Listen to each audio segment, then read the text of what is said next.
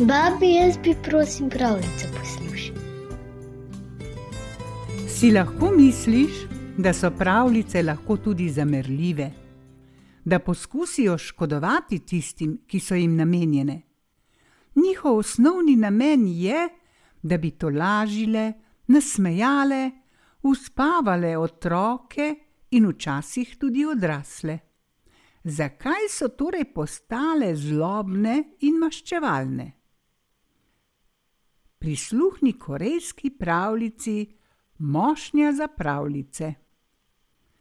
Nekoč je živela zelo bogata družina. Edini otrok, deček, je nad vse rad poslušal pravljice in pripovedke. Kadarkoli je prišel kak nov gost, ga je deček prosil, naj mu pove kako novo, zanimivo zgodbo. In vsakič, ko je deček zgodbo slišal, jo je spravil v mošnjo, ki jo je stalno imel pripeto za pasom.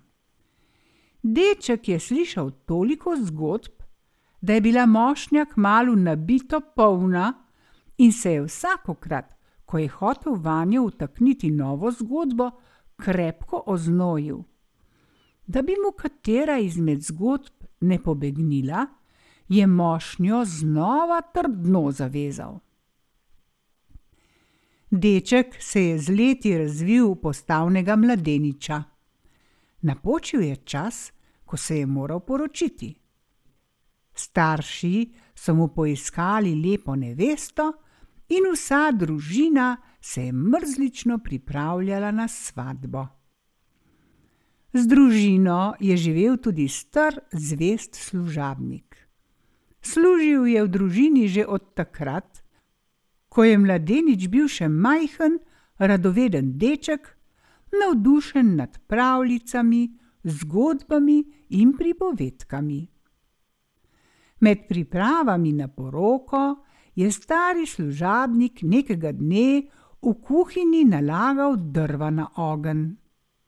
Nenadoma je zaslišal komaj zaznaven šepet. Napel je ušesa in kmalu odkril, da šepet prihaja iz stare mošnje, obešene na steni. To je bila mošnja, v katero je mladenič svoj čas spravljal zgodbe, sedaj pa je pozabljena visela na zarjavelem žeblju, zabitem v kuhinjsko steno. Služabnik je pozorno prisluhnil še petu. Poslušajte, je dejal glas. Jutri je mladeničeva svatba. Vsa ta leta nas je imel natlačene v tej zadušljivi mošnji. Dovolj je bilo trpljenja, mladeniču se moramo nekako maščevati. Res, se je strinjal drug glas. Tudi sama sem prišla na isto misel. Jutri bo mladenič odjezdil po svojo nevesto.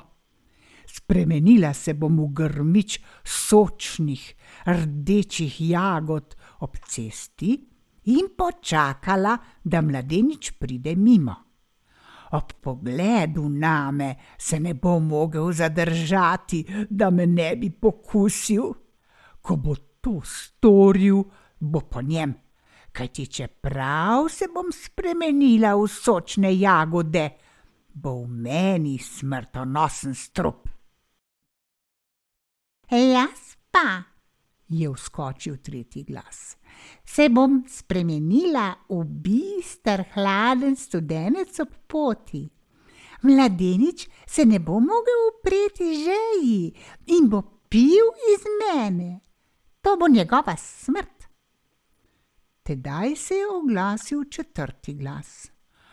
Če se tudi tebi ne posreči, se bom jaz spremenila v žareč železen ražen in se skrila pod vrečo, napolnjeno s plevami, ki jo bodo na nevestinem domu postavili pred konja, da bo mladenič, ko razjaha, stopil na njo. In ko bo stopil na me, ga bom nevarno opekla. Tako je pač bilo v starih časih, ko se je dogajala ta zgodba. Da bi lažje razjahal, so ob ženinovega konja vselej postavili s plevami napolnjeno slamnato vrečo. A če se tudi ta načrt ne posreči, je tedaj zašepetal peti glas. A potem se bom spremenila v klopčič drobnih strupenih kač in se skrila v sobi mladoporočencev. Ko se bosta ženin in nevesta odpravila spat, bom zlezla izmed blazin in jo do smrti opikala. Stari služabnik je bil po vsem, kar je slišal, vsi sebe. Odločil se je, da mora za vsako ceno preprečiti, da bi se njegovemu gospodarju karkoli zlega pripetilo.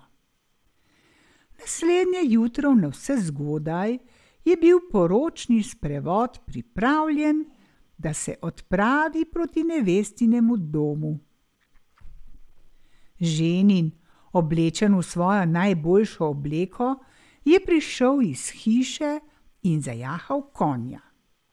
Tedaj je nenadoma priskočil stari služabnik, zgrabil konja za uzde in zahteval, da ga sam vodi. Stari gospodar mu je presenečen ukazal, naj ostane doma, kajti okrog hiše je bilo dosti drugih, važnejših opravil. Naj se zgodi karkoli.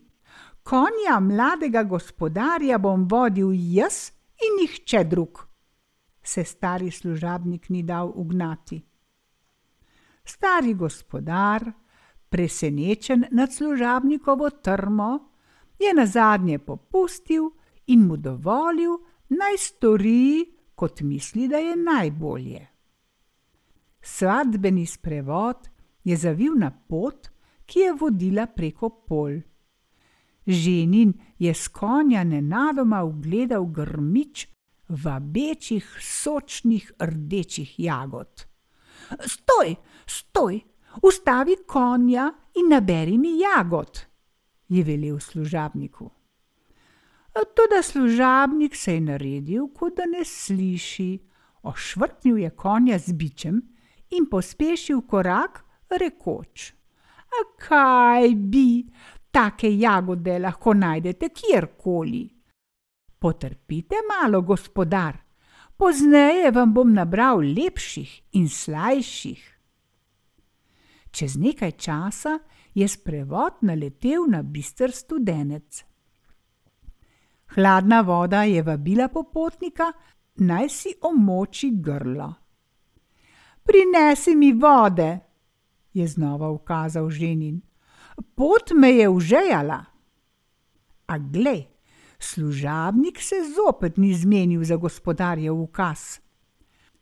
Žeja vas bo minila, ko pridemo v senčno zavetje tistega levgozdička, je odgovoril in še močneje kot prvič potegnil konja za uzdo.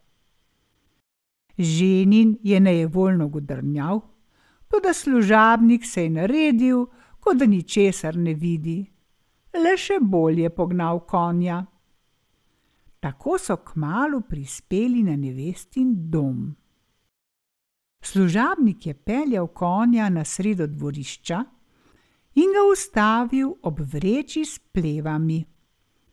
V hipu, ko je ženin hotel razjahati in stopiti na vrečo, se je služabnik na vides spotaknil in omahnil na ženina. Leta je, na mesto, da bi stopil na vrečo s plevami, padel znak na rogoznice, ki so bile razmeščene naokrog. Ženin je zardel od sramu, tudi pred množico ni mogel grajati služabnika. Pogotnil je srd in sramoto ter stopil v nevestino hišo. Znočilo se je in ženin in nevesta sta se umaknila v svojo sobo. Stari služabnik, oborožen z mečem, pa se je skril pod verando pred njuno sobo. Isti trenutek, ko sta ženin in nevesta upihnila luč, je služabnik odprl vrata in se pognal v njuno sobo. Mlado poročenca sta se neznansko prestrašila nenadnega upada. Skočila sta iz postelje in od groze zakričala: Mladi gospodar, pozneje vam bom razložil, je dejal služabnik. Sedaj pa kar se da hitro pobegnite iz sobe. Služabnik je brcnil na stran posteljnino, privzdignil blazine in očem se je ponudil strahoten prizor. Tristo kot vrvica tankih kač, zvitih v klopčič, je gomazelo med posteljnino. Služabnik je kot iz uma začel sekati po njih z mečem. Ranjene kače so grozeče odpirale svoje rdeče gobce in stegovale črne, razcepljene jezike proti služabniku. Leta ni odnehal, dokler ni pokončal vseh kač. Potem je služabnik globoko vzdihnil in povedal gospodarju celo zgodbo. Zato torej zgodb, ki jih slišimo, ne smemo zapreti v vrečo, kjer postanejo zlobne in maščevalne. Zgodbe moramo vselej deliti z drugimi. Tako lahko krožijo od ust do ust in razveselijo kar največ ljudi.